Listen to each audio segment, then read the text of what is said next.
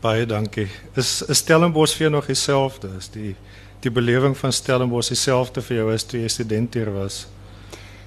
Nee, um, aan die een kant ja, ek het nou eendag um, gaan rugby kyk op 'n Vrydagmiddag koshuis rugby. Um, en al die klanke was nog dieselfde en die gras het nog dieselfde geruik. Um, as ek na die jong mense kyk, dan glo ek hulle kom met dieselfde drome hier aan dalk as ons. Ek dink net hulle is baie slimmer as wat ons dalk was. Um, maar iets het tog ook verander. Maar um, ik kan niet zeggen dit is een goede of een slechte verandering nie. Ik denk dis net jy, dit is anders. Dis wat dis ek wat verander het. dit is so. Wil nou as ons kyk na na hierdie boek wat ek my verstout om te sê baie mooi uitgegee is. Uh hy het- hy het so 'n bietjie van 'n ander paadjie geloop as wat jou vorige boeke hoe hulle in die lewe gekom het. Ja. Kan jy vir ons iets omtrent Marga het nou reeds so skuster liggies daarna verwys, maar hoe het hy sy beslag gekry? Ja, toe ek um, met die kreatiewe uh, skryf uh, kursus begin, het ek besef ek gaan um, ek moet mos nou 'n verhandeling skryf en redelik vroeg in die in die proses is daar besluit om dit ook uit te gee um, later in boekvorm. So ek was van die begin af het ek geweet dit gaan iets anders wees want gewoonlik kom maak 'n karakter eh, kom op 'n stadium arriveer hulle mos by jou deur en dan het hulle 'n storie wat hulle wil vertel hê. En hierdie het nie so gebeur nie en dit het nogal bloedsweet. Ek kan onthou hoeveel aande ek van die universiteit af teruggery het en ek het besef ek weet ek ek weet glad nie waar ek moet skryf nie.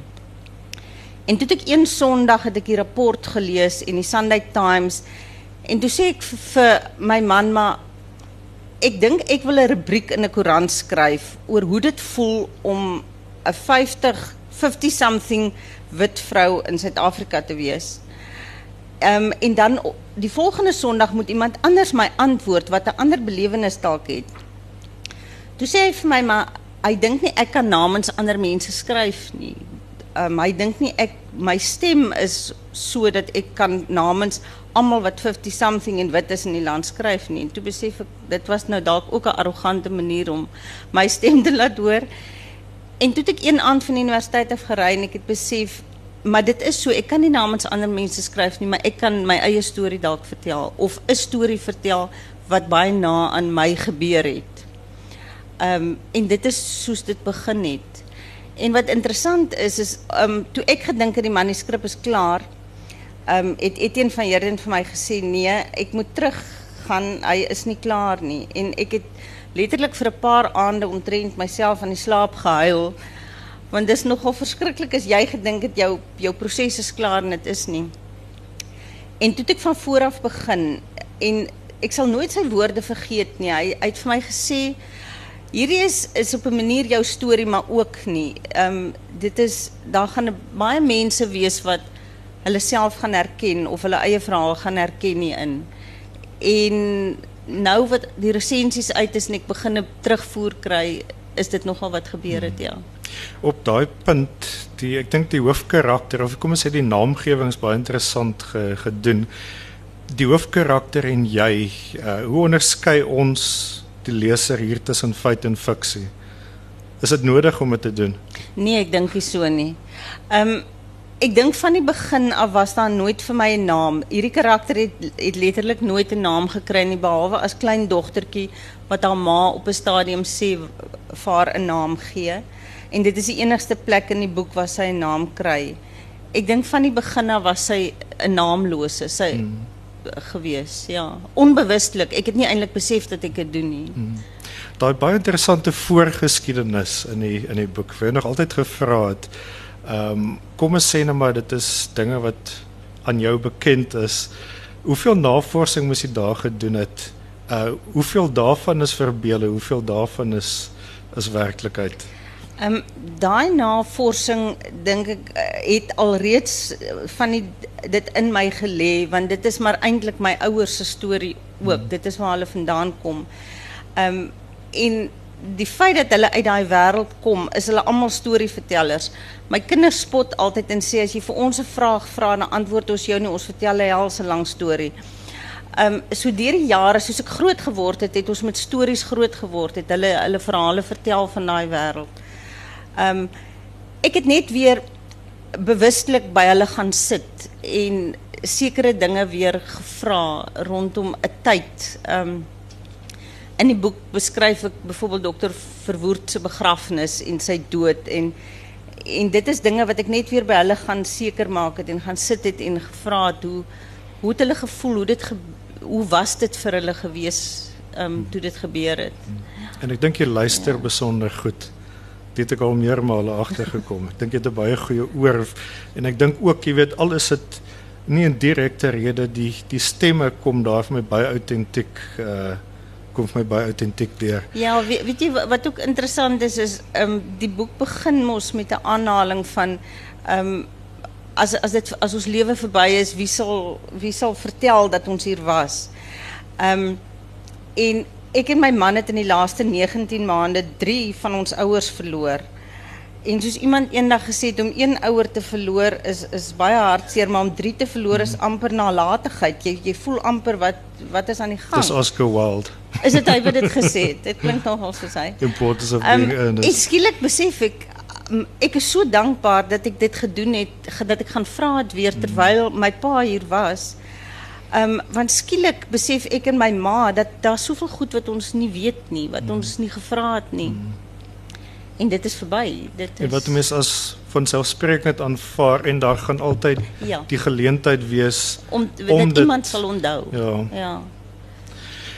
Wel nou een van die ooglopende goed is natuurlik die die titel wat ek dink baie ehm um, subtiel of onder underplayed is 'n klein lewe en gepaard gepaard daarmee die opdrag vir al die mense in hierdie land wie se stories nooit gehoor sal word nie. Miskien iets meer daaromtrent.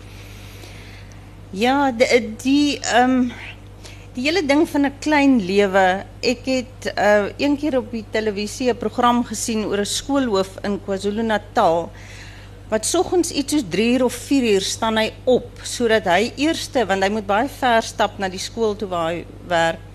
Ehm um, sodat hy eerste daar kan wees om uh, die kinders te help wat oor die rivier moet kom want daar's krokodille in die rivier.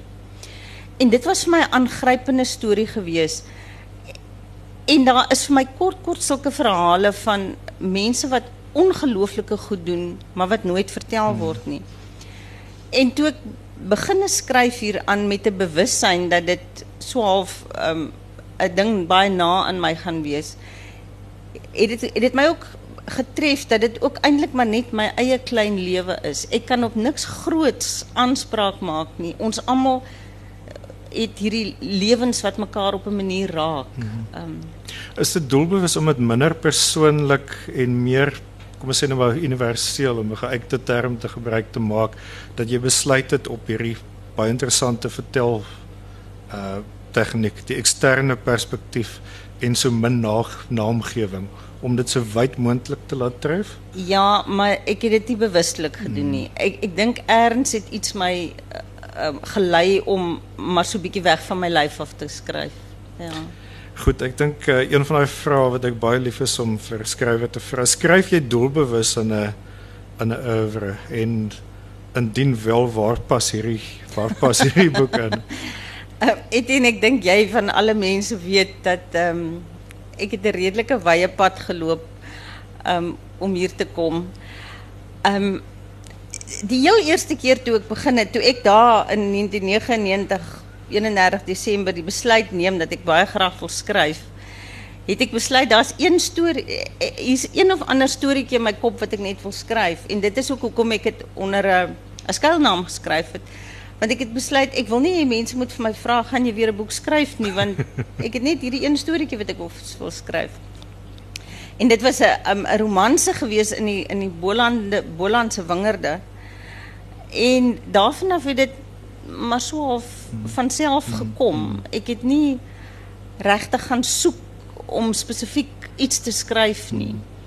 Um hierdie een is anders omdat toe ek in toe ek aanvaar word vir die kursus het ek besef ek, ek gaan een keer in my lewe dit doen. Ek ek is regtig nie so akademies aangelê dat ek nog en weer keer gaan dit doen nie.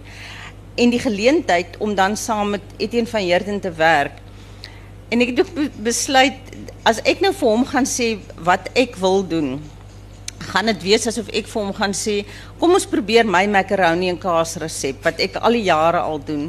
In plaas van dat ek vir hom sê, leer my 'n ander resep, wys my iets wat ek nog nooit gedoen het nie.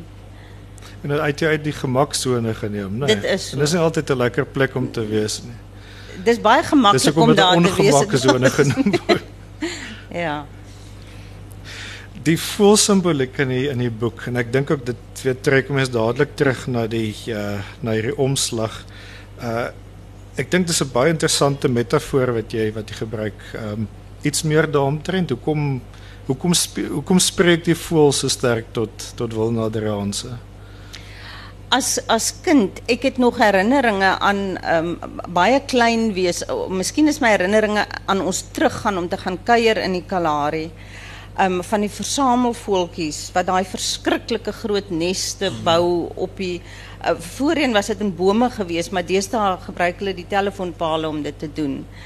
Um en my maale is baie lief vir die natuur, soos het ons altyd bewus gemaak van van hierdie voeltjies wat saamvleg aan hierdie verskriklike uh, groot neste. Ehm en dan ook ehm um, vinke. Ek het ook 'n vinkgesin in my tuin gehad wat ek dopgehou het hoe hulle die die nes vleg. Ehm um, so van 'n baie jong ouderdom af is dit nogal iets daai bou, daai vleg van 'n nes wat ja, tot my gepraat het dink ek. Dit natuurlik jou waarnemingsvermoë op 'n baie baie vroeë ouderdom ge, geslyp. Jy Nee, is net nuuskierigheid idee. Dis maar dieselfde ding eintlik gewoonlik. Ehm ja, ek ek was ek sê dis regtig vir my baie treffende ding in die in die roman.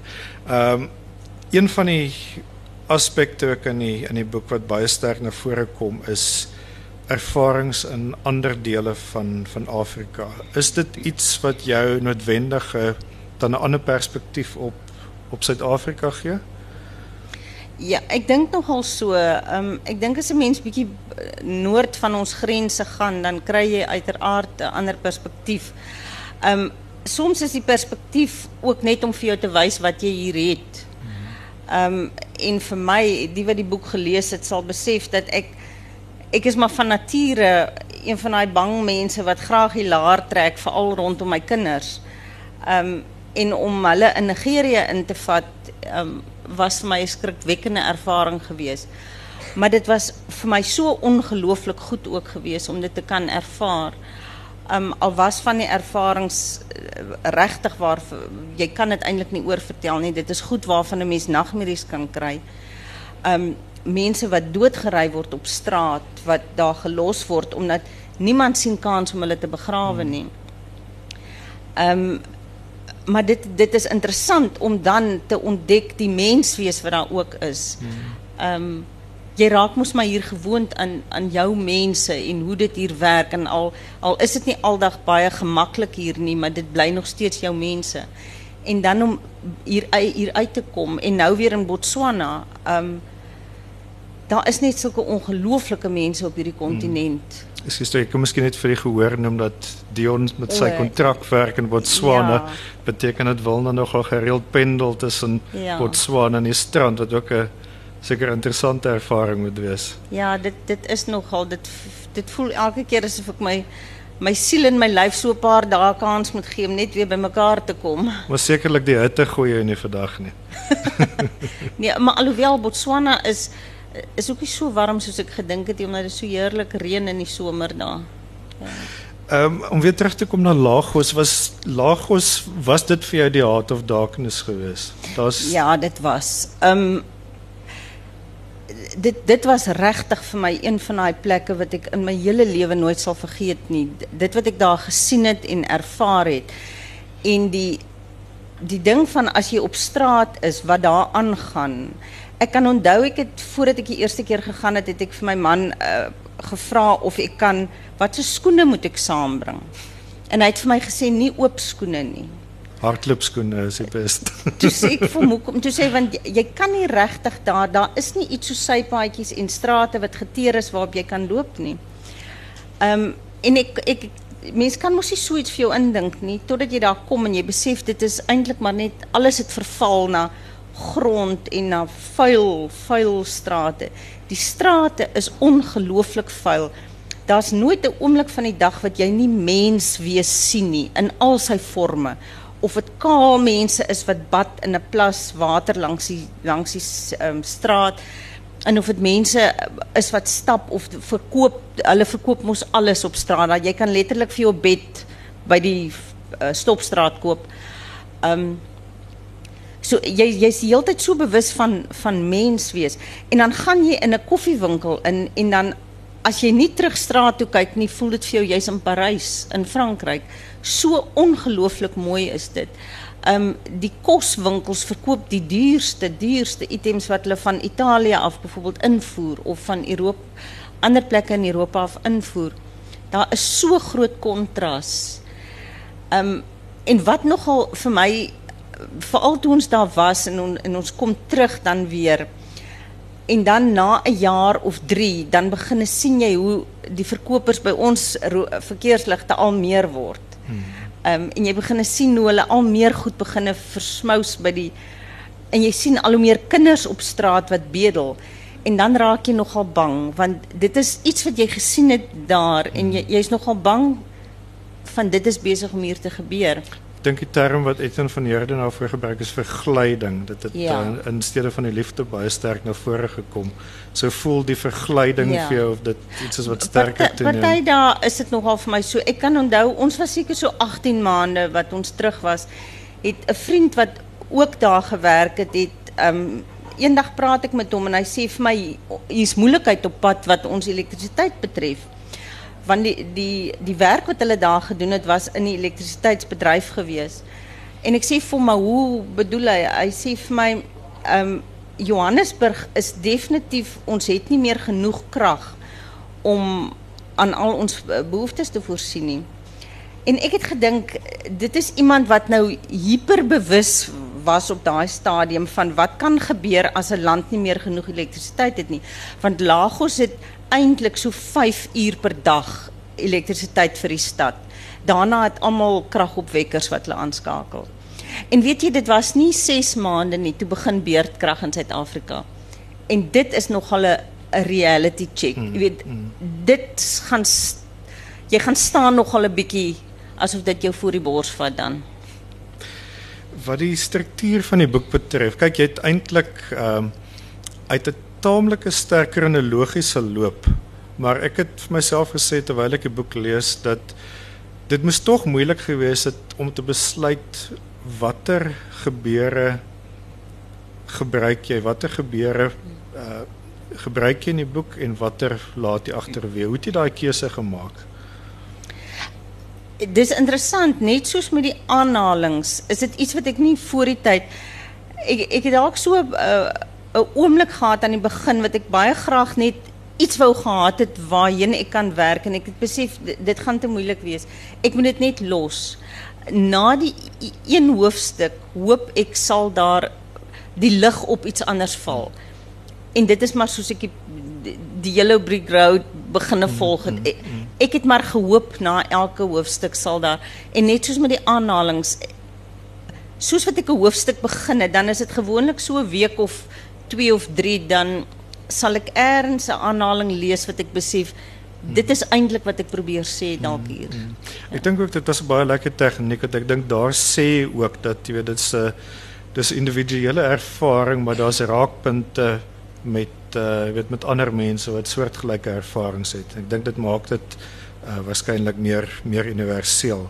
Uh ons nou 'n paar keer aan na Dion verwys. Ek het die voorreg gehad om min of meer die hele familie uh die om om 'n hele Adriaanse familie te ontmoet en ek kry die indruk julle is 'n baie hegte gesin. Is dit vir jou baie maklik of moeilik om binne daai familie dinamiek skrywer te wees wat soms jou eie ding moet doen? Nee, hulle is nogal vir my baie genadig. Hulle ken Mr Delivery se nommer uit hulle koppe uit van baie klein af. Ehm um, en hulle gee vir my ruimte om te skryf. Dis dis baie lekker om dit te kan doen. Dit is ehm um, ek dink hulle raak eintlik benoud as ek nie skryf nie want dan dolwe ek te veel in hulle lewens in. So hulle is baie gerieflik as ek kan nie skryf is. Nie so benoud soos die uitgewer nie, wil ek dadelik byvoeg.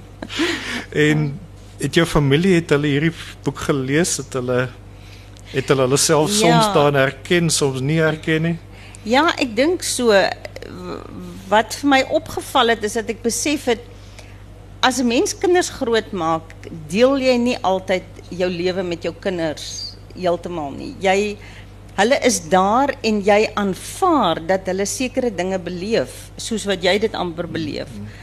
Maar dis eers as hulle groot mense geword het of ouer is dat jy besef hoeveel dinge het by hulle verbygegaan. En dan besef jy ook dat jy dalk onbewustelik sekere goed van hulle nooit doelbewus weggehou het nie, maar jy tog so effens van 'n skans tussen hulle en die werklikheid probeer inbring. Um dalk uit vrees, dalk is dit maar net 'n mense ingebore beskermingsdrang teenoor jou kinders. Maar so van dit was vir hulle interessant geweest. Um wat hulle nie besef het wat gebeur het rondom ons en in die land nie. Ja. Iets wat vir my ook 'n goue draad is wat deur die uh, roman loop is die karakters soos die huishulpe wat vir my met uh, besonder baie deernis uh, uitgebeeld word sonder om weet patronizing te te wees. Uh, is daar soortgelyke mense wat in jou lewe 'n rol gespeel het? Ja, soos in die boek, ehm um, het ek groot geword met ehm um, 'n ma wat altyd iemand gehad het um, om te help. Ehm um, maar dit was my ma het ongelooflike verhoudings gehad met die mense wat wat vir haar gewerk het. Um, dit was werklik soos vriendinne gewees. Sy het hulle lewens geken. Sy het hulle um, tot vandag ehm my ma word ek dink vir jaar 83. Ehm um, het sy net die vermoë om so ongelooflik bewus te wees van ander mense. Um, dat dit vir my ek dink nie ek kan dit ooit doen soos sy doen nie, maar daar was regtig wonderlike mense in my lewe ook gewees. Ehm um, ek ons kan 'n dag lank oor die hele ding praat van um, om iemand te hê wat vir jou help. Ek is so dankbaar as ek iemand het want ek kan net eenvoudig nie alles doen nie. Maar ek dink dit is een van daai ja, vreemde situasies. Na aanleiding van die hoofkarakter se pa se reaksie wanneer een van sy seuns weermag toe gaan, uh dan skryf jy dat 'n mens soms praat om van jou bangheid af weg te kom. Sou jy sê dieselfde geld vir skryf ook? Ek het gisteroggend gery en toe ek so op die sterkant van 'n praatjie ingekom wat hulle op die radio met Karel Skooman dink ek gisteroggend gehad het. Ek het vreeslik min van dit gehoor, maar ek het uh, uh, gehoor dat hy sê dit is arrogant van skrywers om te dink hulle skryf omdat hulle die antwoorde het. En toe moes ek nou uit die motor uit klim. Maar ek het die hele dag aan dit bly dink en gisteraand het ek vir myself gesê Ek dink dit is juis in my geval is dit so. Ek skryf omdat ek iets moet weet. Ek skryf amper asof ek dink deur te skryf sal ek by die antwoord uitkom. So ek weet nie of dit jou vra. Skryf as 'n vorm van terapie wil jy amper sê. Terapie en omdat ek ek soek antwoorde en ek weet nie waar om dit te kry nie. En Miskien as ek skryf daaroor en ek dink met hierdie boek was dit ook so. Ek het dalk nog 'n paar antwoorde gekort of nie dat ek dit nou al het nie, maar Ek wou nou net vir jou op die spot geblaas het jy gevra het wat watter antwoorde dit waarhede het ek ontdek. klein waarhede. ja, dalk 'n klein waarhede. Die hoofkarakter praat van daai mense wat gereeld terug grafte toe gaan. Weet, dis iets wat my baie sterk bygebly het. Ehm um, glo jy self in die invloed van die van die voorgeslagte op die wat wat na hulle kom? Ja, ek ek besef dit nou dat ek vir die eerste keer 'n uh, 'n ouer verloor het dat ehm um, daar is iets rondom die energie van die voorgeslagte wat definitief moet moet voortbly in ons. Ehm um, ek kan voel hoe my pa op 'n manier soms nog met my praat of vir my iets sê of dat ek dat ek terugdink aan hom as ek iets wil weet en dat daar erns sommer net so half 'n wete kom van dit is wat hy sou vir my gesê het of so ja ek, ek dink regtig waar iemand het eendag gesê ehm um, of uh, iemand wat ek geken het 'n swart man in Kasankulu wat het gesê hy gaan na die na sy voorvader se grafte toe En net daarna het een van die van die wit amptenare gesê dit is baie interessant, maar dit is iets wat wat ons het wat ons eintlik onbewustelik ook doen. Ons noem dit net nie so nie. Ons sê nie ons gaan terug na die voorvaders se se plekke of se grafte toe nie. Maar in my familie doen ons dit beslis. Ons gaan sit nog steeds blomme op of gaan besoek dit. En dan op uh, op 'n ligter noot, ek dis dis iets wat my teruggevoer het in die in die roman na my na my eie jeug. Die uh die hele ding van van backmasking en uh weet 'n musiek van satanistiese boodskappe wat jy kan hoor as jy 'n plaas agteruit gespeel het. Ek dink natuurlik deesdae met die tegnologie het nou nie meer draaitafels nie, so dis seker moeiliker. Maar het jy ooit iemand teëgekom wat dit reg gekry het om so 'n boodskap nee, te ek soek nou nog. ek soek nou nog iemand wat vir my plaat kan agteruit speel want ek wil so graag hoor wat daar aan die gang is. So as jy dit reg kry, moet jy my asseblief sê. Ek het nog 'n platespeler, ons as 'n bietjie met werk kan. Ons kan eendag 'n plaat vat. Ek wonder wat ons nou sal kies om te speel. Ja, ek ek onthou net die shop en ek het dit nou tot vervelings te vertel, maar ek uh, kon nou die shop het geloop dat as jy Bliss Bridges se uh, plaat agteruit sou speel, so 'n potjie kos resept na vore gekom.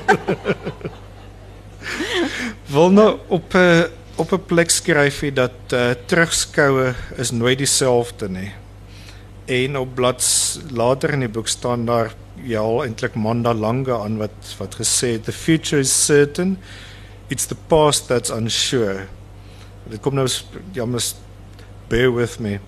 En dit word weer geëcho in die verteller se vraag later, hoe weet 'n mens dit wat jy onthou het werklik gebeur?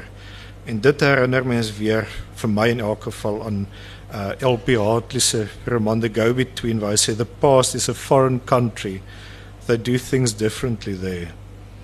Het dit met die skryf van hierdie verhaal jou vir jou ook so gevoel het dit uh, of is die verlede vir jou iets tasbaar, iets werkliks en iets iets bekends?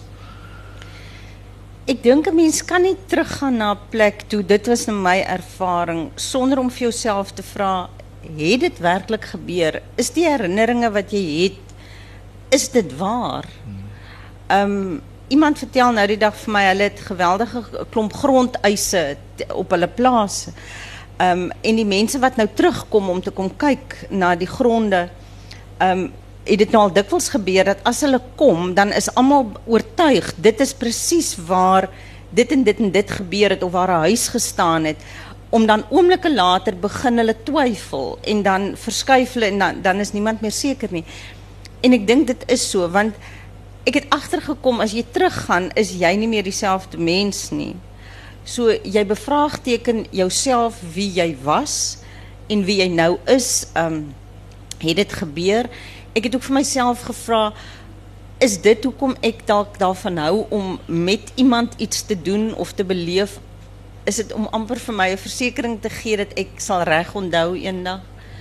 Maar dit was vir my baie interessant geweest om terug te kom om om ook sommer net weer ek het baie meer bewustelik Stellenbosch weer kom loop 'n bietjie um, om terug te gaan Laagveld toe en te gaan kyk hoe dit is en dan besef jy jy was nie dieselfde mens toe nie um, en nou as jy teruggaan is jy ook nie dieselfde wat jy was nie so dis 'n ingewikkelde hmm. Hoe lang tyd het daar verloop tussen uh toe jy aanvanklik in Gazankulu gekom het en toe jy weer terug is? Is is dit iets wat jy akkiet ervaar het? 30 jaar. Hmm. Ek was intussen tyd weer een of twee keer terug hmm. gewees, hmm. maar 30 jaar van het ek bewuslik teruggegaan het om met dit in my kop dat ek is besig om daaroor te skryf. Hmm. Ja. Hmm. Hmm. Ek dink dan ervaar mens iets waarskynlik skerper as jy weet maar jy Ja. Jy moet dit nou ja. inneem en jy moet dit ja. probeer weer geen woorde en ek dink baie keer moet dit 'n gevoel wees wat geweldig moeilik is om wel in woorde uit te bring. En en weet jy, ek dink mense is ook soms onregverdig teenoor 'n plek as jy teruggaan of teenoor mense wat jy herbesoek. Want dit kan nooit dieselfde wees nie. Jy jy het erns in jou kop oor oor jare wat verbygegaan het, het jy prentjies gemaak wat dalk nooit dieselfde was nie. Mm. Prentjies van die mense of van die plek.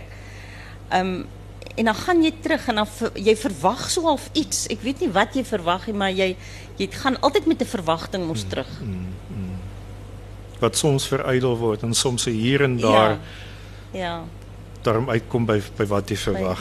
Ja. Ehm um, nog iets wat my teruggevoer het is die uh die verwysing hier en daar na die korrespondensie met met penmaats. Jy weet, is iets wat ek nog nog goed onthou.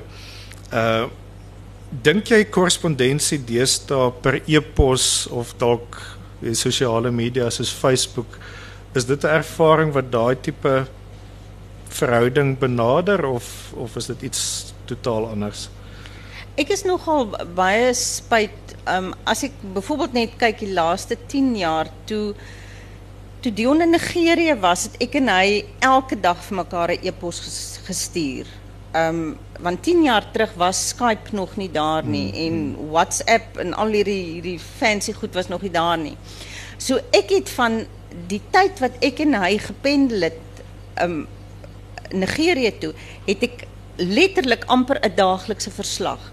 Want ek het elke dag vir hom geskryf hoe ons lewe hier was, want dit was nogal vir my belangrik dat hy moet moet deel wees. Hy moenie hier aankom of ons moenie by hom kom en ons is vreemdelinge vir mekaar nie. Nou, um Skype ons. Ons een seun was verlede jaar in Duitsland gewees, die ander een was in Korea vir 'n jaar gewees. Ons Skype ons stuur uh, SMS'e, ons WhatsApp mekaar. Dit is goed wat soos die wind is. Dit is dit is nou hier en dit verdwyn onmiddellik. En ek het nou die dag besef ek het nie daai amper verslag van van ons tyd nou nie. So 'n brief is 'n wonderlike ding. Dit is of 'n e-pos ten minste, iets wat jy kan kan hou. Kan uitdruk en wat Ja. meer tasbaar word vir 'n mens. Ja. Nou om totaal weg te beweeg van die van die tegnologie. Ehm um, vir die hoofkarakter in hierdie roman is dit glad nie uh die bestaan van iets soos die Tokolossi uh dis iets waarteenoor sy glad nie skepties staan nie. Hoe voel Wilnaderaanse daaroor? Ook nie skepties. Is dit gegrond op uh op ware ervaring? nee, ek dink net as jy um uit die Kalahari uitkom um en jy het ouers wat vir jou van kindsdag af stories vertel oor allerlei goed.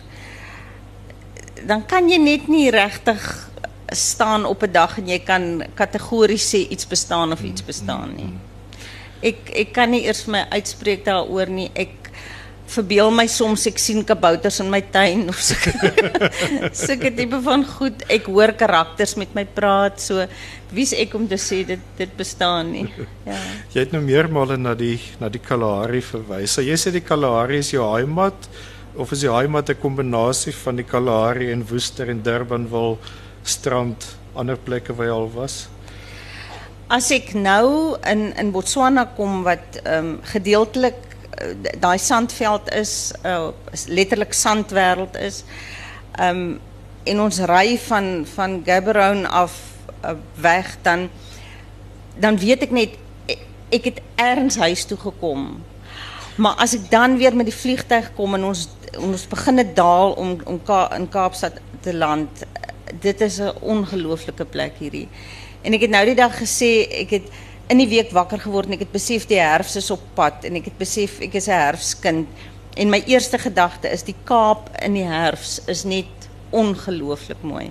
So ek ek dink ek het nie een plek nie. Ek dink is maar so 'n kombinasie ja.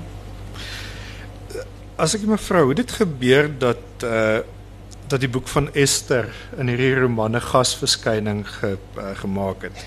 Is dit deel van daai spel met met werklikheid en fiksie wat wat in die uh die boek ter sprake is? Ja, toe ek die hoofstuk skryf, ehm um, het ek net besef dit is uh, dit is 'n deeltjie werklikheid wat gebeur het wat ek wat ek sommer net aangeskryf het van ek het die middag n- ek was net klaar met die boek van Esther gewees en ek het hom weggestuur en dan begin pak ek altyd die die uh, my studeerkamer reg en ek het skielik 'n geluid onder in die huis gehoor en hulle was besig om in te breek onder in die huis. En in Esther gaan dit, die boek van Esther gaan dit juis oor 'n karakter wat uit die land uit is omdat um, haar ouers hier vermoor is. En die vrae wat sy vir haarself vra rondom wil sy bly, kan sy nog hier woon? En dit was vir my so ongelooflik geweest. Ek het nou net hier, dit was asof ek die werklikheid oopgeskryf het asof ek iets ontketen het amper.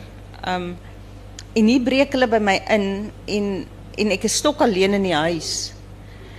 Um ja, so dit is net hoe dit dit het eintlik sommer net van self in die boek ingeloop. Ja, ek hoop nie jy het die tokkelosie ook ontketen nie. ek hoop ook nie so nie. 'n Vriendelike een daar. 'n Vriendelike een. Miskien 'n tokkelosie misse dan vir Ja. jou. Wil nou- daar's uh verwysings nou gemaklik die hoofkarakter se seuns veral een hier leef. Uh daar's minder vraagtekens oor sy bestaan in hierdie land. Dink jy dis deurgangs die geval dat die uh dat die volgende geslag te beter hier aard is as miskien ons geslag? Ek kom agter met die die jonger geslag wat ek ken is dat hulle 'n ongelooflike dapperheid het um rondom hier wees. En ek dink dit gaan dalk oor minder verwagtinge. Ek dink ons het ons het groot geword met geweldige verwagtinge en 'n 'n selfsugtige verwagting dalk in die land waar hulle het dit net nie. Hulle, hulle het net 'n manier van van leef, van mekaar gun. Ehm um, baie meer dinge dink ek as wat ons mekaar gegee het. Ek skus, ek praat nou nie namens almal nie, maar eintlik maar namens myself nie. Ehm um, ja, so ek staan verwonderd in hoe hulle leef, wat hulle hier doen. Ehm um, hoe vreesloos hulle oor verskillende grense kan heen gaan en ja, Dis nou in tas- in antisipasie van die krag wat waarskynlik nou nou wat gaan nou uitskop. gaan ek hoop so nie. Ehm as ek jou mag vra, en dis dalk 'n onbillike vraag, maar sou jy dit ooit oorweeg om te te emigreer en indien wel in watter omstandighede? Dit is 'n vraag wat ek myself in die baie klein ure van die nag vra en dan hoop ek voordat ek môreoggend wakker word, het, is die vraag weer weg. Ehm um, Etienne, ek ek pas baie moeilik aan. Ek hou nie eers van na 'n nuwe tandarts toe gaan nie. So vir my om om dit in te dink om weg te gaan van hierdie plek is nogal vir my skrikwekkend. Ehm um, hier, hier's iets in die land wat ek elke keer wat ek weg was en ek kom terug, dan weet ek ek het huis toe gekom. Ek, ek dink dit het iets met die mense ook te doen. Ehm um, so op hierdie stadium wil ek vir jou sê ek kan myself nog nie sien nie, maar ek het baie groot begrip vir mense wat op 'n dag 'n streep trek wat ehm um, ek is baie dankbaar dat ons ja nog genade hier gehad het tot dusver. En dan as uitgewer moet ek vir jou vra, hoe lyk die die pad vir Wil Naderaanse vorentoe? Ek ek verstaan daar is 'n omgeëliede roman waarmee jy besig is op die op Die roman oomblik. is op die oomblik omgeëlie. Ehm um, ja, ek het een aand so ek verlede jaar dink ek met die woordfees het ek na 'n produksie gaan kyk en ek kan nogal baie musiek uh, luister en baie musiek waardeer, verskillende soorte musieke, maar die aand was dit vir my ongelooflik swaar om daar te sit. Ek weet nie, ek was net hoogs verveeld geweest in die in die moederkerk. En ek het gesit en kyk, dis die kerk waarin ons getroud is en ek het later na die balke gesit en kyk en tussen die balke en die musiek en my verveling het 'n karakter haarself kom aanmeld. So ek is nou besig om te kyk waantoe sy op pad is. En hoe sterk het sy haar al aangemeld? Sy is redelik sterk daar die die, die storie ja is is net bietjie stadig aan die loop. Laaste vraag van my kant en dan gaan ons geleentheid gee vir die gehoor. Ek seker daar sal vrae wees. Ehm um, ek kan daarom sê op hierdie punt hierdie roman is uitsonderlik goed ontvang, nie net op akademiese gebied waar ek bevoorreg was om een van die eksterne eksaminatore te te wees. Ek kan sê daar's dit uitstekend ontvang. Dit is baie baie goed deur resensente ontvang en ek dink dit was ook baie lekker geweest om te sien jou met jou gehoor was uh, was bereid om jou baie loyale gehoor was bereid geweest mm. om saam met jou te gaan op reis deur 'n boek wat uh, iets totaal anders is as wat jy wat jy voorheen geskryf het. Het dit aan jou verwagtinge voldoen hoe hierdie boek gebore is? Ek dink net dit was ek was ek was 10 jaar aan die skryf ehm um, toe ek die boek begin het.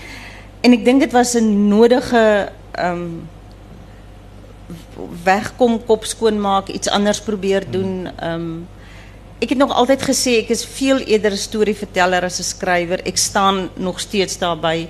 Die volgende storie wat my verlei, gaan ek weer agterloop. Hoe akademies of nie akademies of sommer net storie dit gaan wees is vir my irrelevant. Ehm um, stories verlei my. Dis maar die punt. Ja. Dit is 'n lekker motto om volgens te leef. ja. Ek sal dit koop. Ja. Volgende ek sê vir jou baie baie dankie. Ehm um, en ja, dit was my groot plesier om om weer met jou te praat hierdie boek wat my ook baie na in die in die hart lê. En uh, ek dink dan is dit 'n goeie geleentheid om vir mense uit die gehoor geleentheid te gee as daar enige vrae is. Iemand wat iets op die hart het vir Wilna? Nou is 'n goeie kans. ja, Malien. Ehm um, weet jy hierdie hierdie boek het baie tot my gespreek want ek het baie vir myself daarin gesien. Nou wil ek by jou weet. Is dit 100% jou eie geheue of het jy in jou drome dinge verbeel en dit het oor mekaar gepas en wat jy dink jy onthou is eintlik ehm um, verander of verminder of verdraai. Verstaan jy wat ek ja. vir jou vra? Ehm um, dit is 100% wat ek onthou. Ehm um, die kronologie daarvan is soms aangepas. Ehm um, dit is soms verkort omdat dit net binne die struktuur van 'n van 'n boek moes inpas. Ehm um, maar ja, dit is dis 100% wat ek onthou. Ja. Dis dis interessant dat jy sê dit dit het met jou gepraat. Ehm um, het ek nogal baie briewe op die oomblik en wat vir my interessant is is dat ek baie briewe van mans kry. En ik weet niet of dit die die verwysing na die weermag is en of dit die verwysing na werksomstandighede is nie, maar wat wat ook vir my dit sê dat dat hulle het hulle self ergens in die boek op 'n dag raak gelees. Ja.